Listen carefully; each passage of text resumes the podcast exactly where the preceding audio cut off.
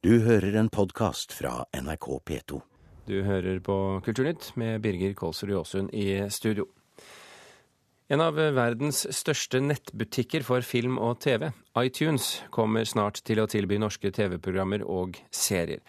Samtidig er flere andre store internasjonale nettbutikker med film- og TV-innhold i ferd med å etablere seg i Norge, som Netflix og HBO. Dette kommer til å endre måten vi ser TV på, mener førsteamanuensis på BI, Espen Andersen. Det handler om jenter og hester i filmen 'Til siste hinder'. Den eneste norske filmen som er tilgjengelig i nettbutikken iTunes i dag. Men en lang rekke norske filmer er på vei inn i en av verdens største nettbutikker for film denne høsten. Jeg gikk på et utbrent tysk fly. Her. Mannskapet. Først ute er Into the Wild. Og iTunes vil også ha norske TV-programmer. Innen neste år åpner de TV-butikk med både norske og utenlandske programmer, sier iTunes-agent i Norden, Tine Klint. Forhåpentlig så, øh, så, vil vi se en masse øh, norske, lokale norske film, men også eh, internasjonale film med norske subtitles. TV-serier. eh, iTunes TV burde komme innenfor et år. Netflix now delivers unlimited TV episodes and movies instantly through We. Forrige uke annonserte HBO og Netflix, som også selger film og TV på internett, at de vil etablere seg i Norge. Is how you thank me? Stealing my merchandise. Boardwalk Empire er en av HBOs mest kjente dramaserier. Og det er bare én av flere tusen filmer og TV-serier nordmenn kan se rett fra internett på sin egen TV-skjerm i tiden fremover. Visit hbo.com slash connect on your computer, smartphone or tablet. Dette vil endre måten vi ser TV på totalt, sier førsteamanuensis i innovasjon og teknologi ved BI, Espen Andersen. Eh, akkurat sånn som iTunes og iPod har endret vårt forhold til musikk. Hvem av dem som kommer til å vinne, eller om de kommer til å eksistere side ved side, vet man jo ikke. Eh, men de vokser, og de tjener bra med penger, og de får en stadig større markedsmakt.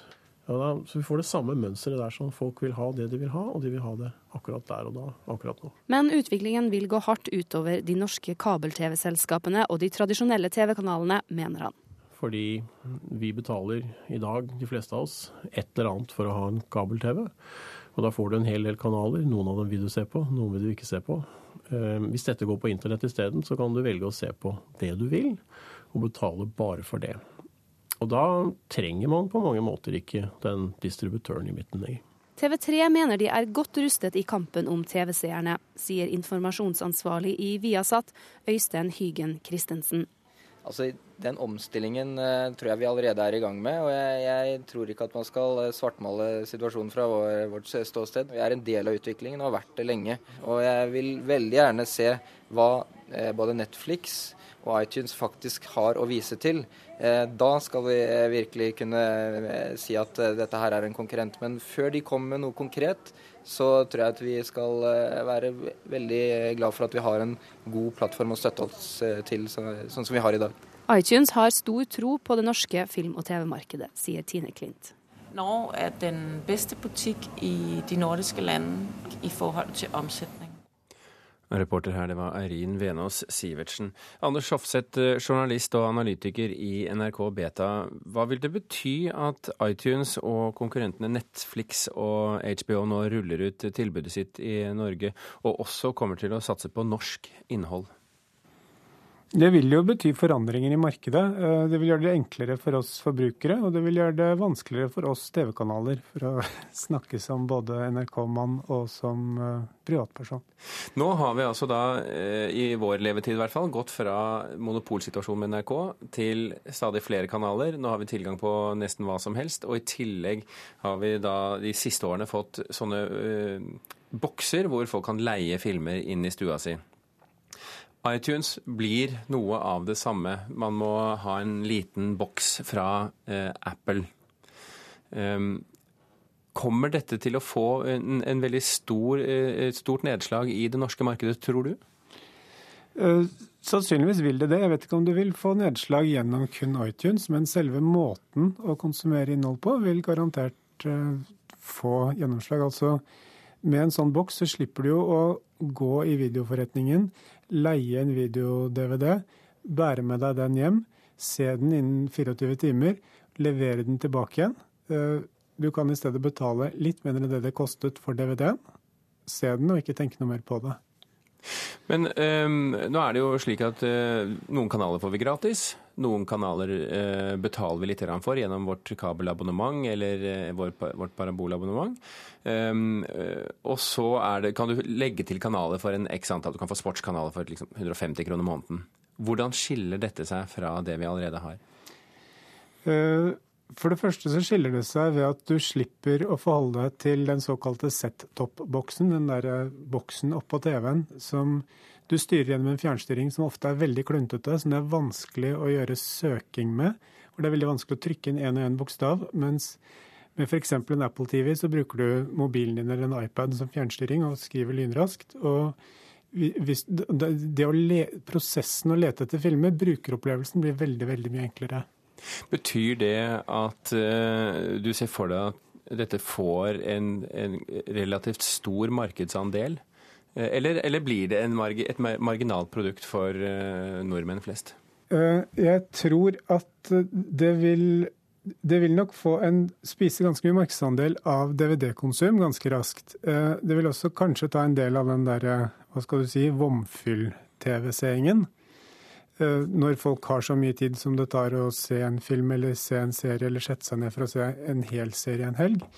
Men akkurat det der med å se TV er jo også en rituell ting i samfunnet. Det er noe med Altså, det er veldig mange andre, mye annen mediebruk som har gått ned eh, når ting har blitt digitalt. Eh, papiraviser stuper.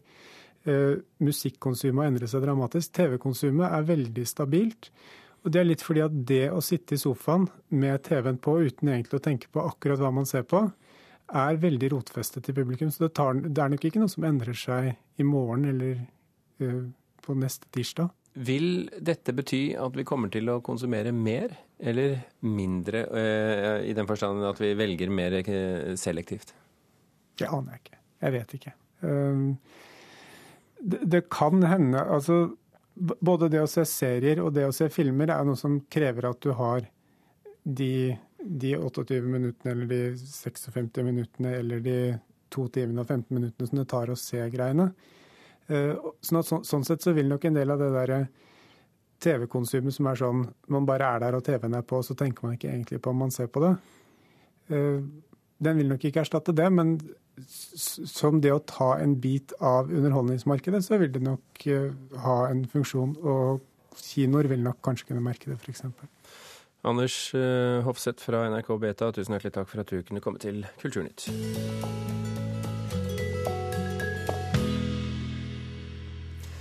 Et eh, fire mann stort firma i Hamar er nå i gang med flere helaftens animasjonsfilmer som blir de aller dyreste i norsk filmhistorie.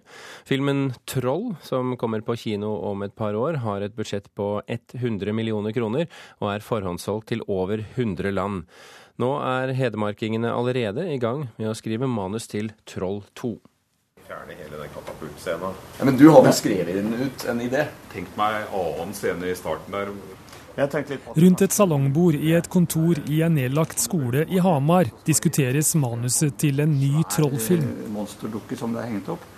Så er det om å gjøre komme nærmest. Her utvikler fire hedmarkinger i firmaet Saga Tun noen av Norges største filmprosjekter. Først og fremst så er det jo Troll 1. Og det er det prosjektet som er i produksjon i Rock Island i Illinois. Og så sitter vi og skriver eh, på manuset til Troll 2, som produsenten i USA har bedt om å få. Troll er faktisk forhåndssolgt til over 100 land. Det er jo veldig spesielt. Og det som er det morsomme med det, det er at eh, Timeless, eh, som er vant til å reise rundt i verden og selge, selge sånne produksjoner, det sier at det er første gang på lang tid at de har solgt så bra i forkant av eh, at produksjonen er ferdig. Det virker som om verden gjerne vil ha norske troll. Sier daglig leder Jørn Kolsrud. Foruten to filmer om troll er Hamarsingene i gang med en helaftens animert spillefilm om søppelhelter. Også den med et produksjonsbudsjett på vel 100 millioner kroner. Den er i samme gate. Det er det vi har satsa på. Å lage familieunderholdning for eh, publikum over hele verden. Her er vi fra jordkloden og inn på Bra Marakuri. Dette er tenkt for de aller minste Det lille. Hamar-firmaet har også laget manus og en prøveepisode på Krummene, en animert TV-serie beregnet på de yngste TV-seerne i Norge og utlandet. Så det, vi har nok å gjøre her. Trollgutten Trym. Som Alle manusene er utvikla på Hamar av Christian Kamp, Jørn Kolsrud, Jonny Westernes og Jonny Carlsen. Alle med erfaring fra å lage barne-TV, men ikke med langfilm. 100 millioner i budsjett er det svært få norske filmer gjennom historien som slår. Men det er jo ganske spesielt å sitte fire stykker sammen og skrive et manus, og så oppdage at eh, folk som du eh, har hørt om bare, har sagt at oi, dette ser bra ut. Dette har vi lyst til å eh, være med på videre. Så eh, vi er eh, egentlig litt eh, småstolte og litt lykkelige over at vi har kommet så langt. Vi har satt opp en klokke som viser tida i Rock Island. På kontorveggen henger klokker som viser tida forskjellige steder i verden. Og Los Angeles, det er jo naturlig. Der har vi samarbeidspartnere. London, der er Timeless. Og så har vi satt opp Sankt Helena, for vi fant ut eh, at eh, vi har solgt distribusjon til Sankt Helena.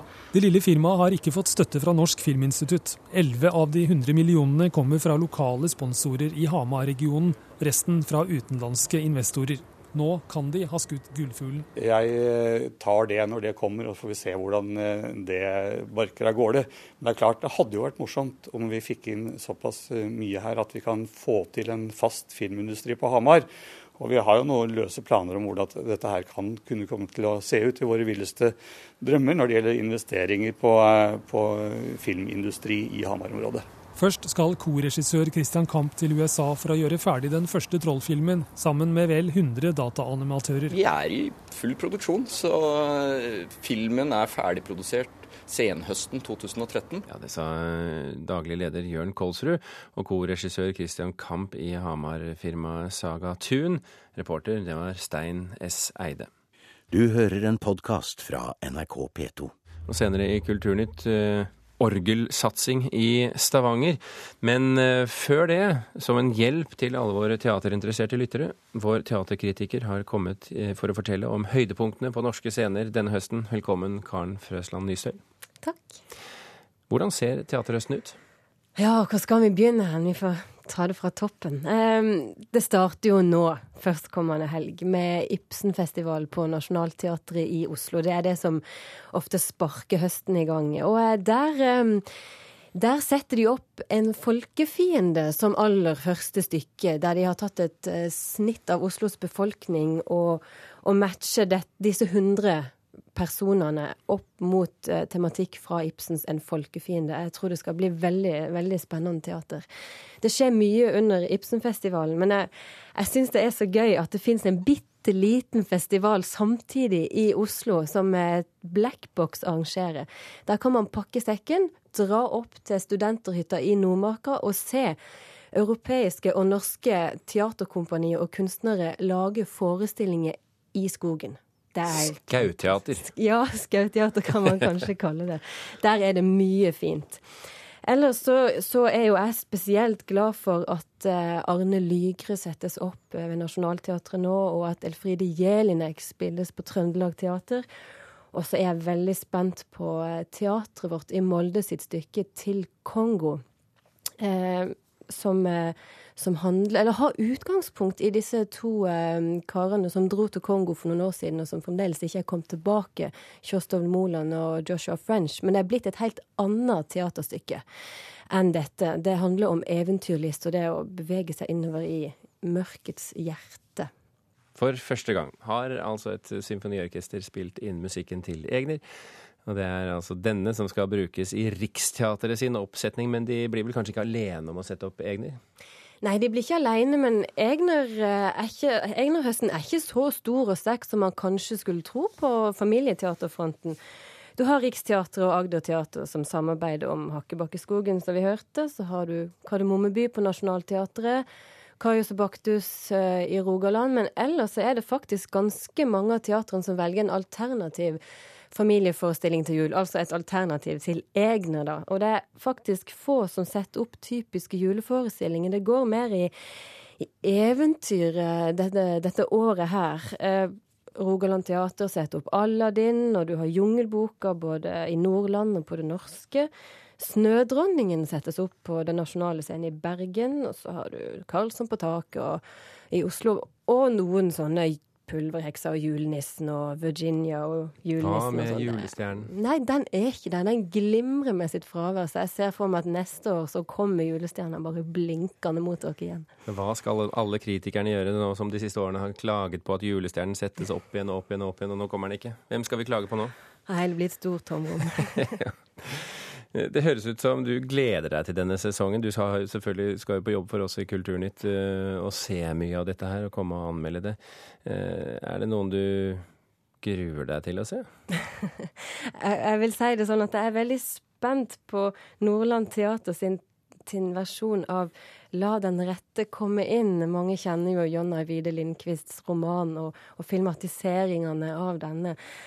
Jeg lurer på hvordan de skal få eh, Den er blodig? Den er blodig, eh, men blodig har de vært før på Nordland Teater, så det, det kan gå fint. Jeg, jeg er spent.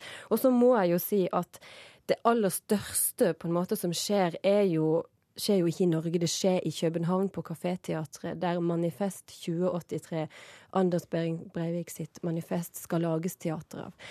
Og dette er en viktig oppsetning, annet fordi den omtaler det som 22.07-kommisjonen sin rapport mangler, nemlig hvorfor kunne dette skje med en tilsynelatende velfungerende norsk mann? Hva gjør et menneske til terrorist på denne måten? Det, dette er veldig viktig at teatret gjør. Eh, teatret svikter sin oppgave hvis ikke det tør å ta tak i problemstillinger som dette.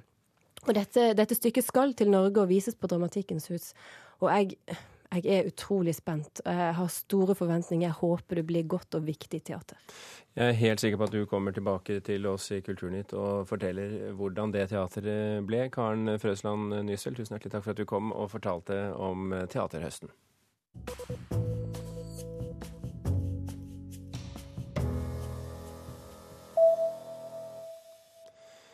Den norske kirke kan ikke forholde seg taus om at tre russiske musikere må i fengsel etter protestsang i kirken. Det mener leder av Oslo-senteret for fred og menneskerettigheter, Kjell Magne Bondevik, ifølge Vårt Land.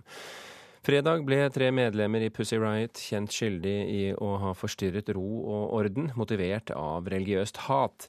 Kjetil Aano, leder i Mellomkirkelig råd, uttalte lørdag at det godt kunne være at de skulle markert motstand i saken. Bare en brøkdel av årets varslede e-bøker har hittil nådd nettbutikkene. Mens optimistiske forleggere varslet 3500 titler i året, er under 800 å få kjøpt hos nettbokhandlene. Kristin Einarsson, direktør i Den norske forleggerforeningen, mener et godt utvalg er viktig for å få sving på e-boksalget. Det skriver Klassekampen i dag. Kjededirektør i Nordli, Morten Aas, sier at eh, de ønsker seg flere titler. Årets vinner av Hestnesprisen er frilansjournalist i Dagbladet Inger Merete Hobbelstad. Hestnesprisen deles ut til journalistiske talenter som utmerker seg innen sjangrene kultur, film og eller portrettjournalistikk, og er opprettet etter tidligere Dagbladet-journalist Arne Hestnes. Hobbelstad anmelder både teater, film og litteratur, og skriver i tillegg kommentarer for avisen. Prisen deles ut av Dagbladet, Den norske filmfestivalen og Institutt for journalistikk.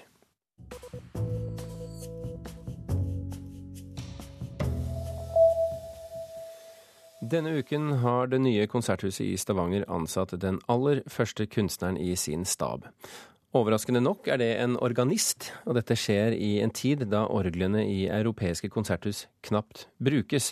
Derfor knyttes det store forventninger til den store orgelsatsingen i Stavanger. Der, Der kan du se opp til de øverste trompetene, de som står rett utover, ikke sant? Det er jo høyt som en høyblokk. Nils Henrik Asheim viser rundt i den ti meter høye trekassen som er orgelet i Stavangers nye konserthus. Til nå har huset skrøtet av pipenes lengde og antall. Nå kan de snart begynne å snakke om hva det dyre instrumentet faktisk skal brukes til. Og for at det skal brukes mye, har huset ansatt en egen organist, sier administrerende direktør Per Harald Nilsson. Jeg tror jo nettopp det at vi, at vi nå trekker inn veldig mange ulike miljøer, veldig mange ulike musikksjangre, vil bidra til å skape en fornyet interesse for orgelet som instrument. En ser nye muligheter. Eh, hvis du tar en prat med Nils Henrik Asheim, så tror jeg han kan gi deg noen ganske interessante visjoner på akkurat det. Orglene brukes i kirkene til kirkemusikk, mens konserthusene brukes til orkestermusikk. Det har vært hovedregelen i Norge og i resten av Europa. Det nye instrumentet i Stavanger er bygget til å kunne brukes til både barokk og til klassisk musikk og til moderne verker.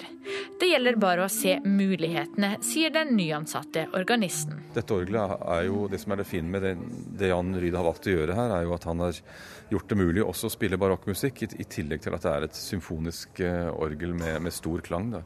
Så du finner de fine små karakterene på stemmene som gjør at du kan spille f.eks. kammermusikk, og du kan spille Bach, du kan spille Hendels orgelkonserter og sånn. Det kommer til å låte veldig vakkert, tror jeg, sammen med, med, med instrumenter.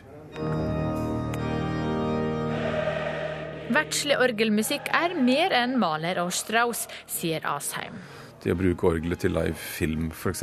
Altså spille filmmusikk mens filmen går på, på et orgel det er jo gedigent. Det er en veldig, veldig, veldig, spennende ting.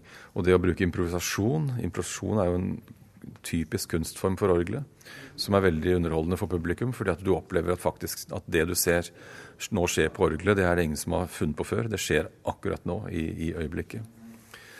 Så, og det er jo også nytt. Så eh, her blir det mye nye ting. Problemet er jo det at sånn som i Oslo konserter, skal det være en orgelkonsert her, så er det ofte at det er andre og mer inntektsbringende eh, aktiviteter som blir fortrengt pga. orgelkonsert som kanskje ikke akkurat fyller salen. Det har det aldri gjort her. Sier organist Bjørn Boysen. Foruten Stavanger er det bare Oslo som har et konserthusorgel, som Boysen har ansvaret for. Det er ikke så mye orgelmusikk som er skrevet for å spilles utenfor kirkene. Altså, Orgel i, utenom kirkene er det i grunnen bare tradisjon for i England. Andre land har de ikke hatt den samme sterke tradisjonen.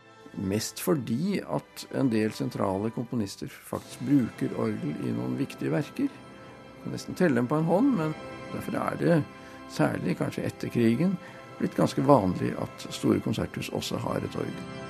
Selv om også orgelet i Oslo konserthus ble hyppig brukt de første årene etter at det ble bygget, tror Boysen at Stavangers konserthusorgel vil få en lysere fremtid.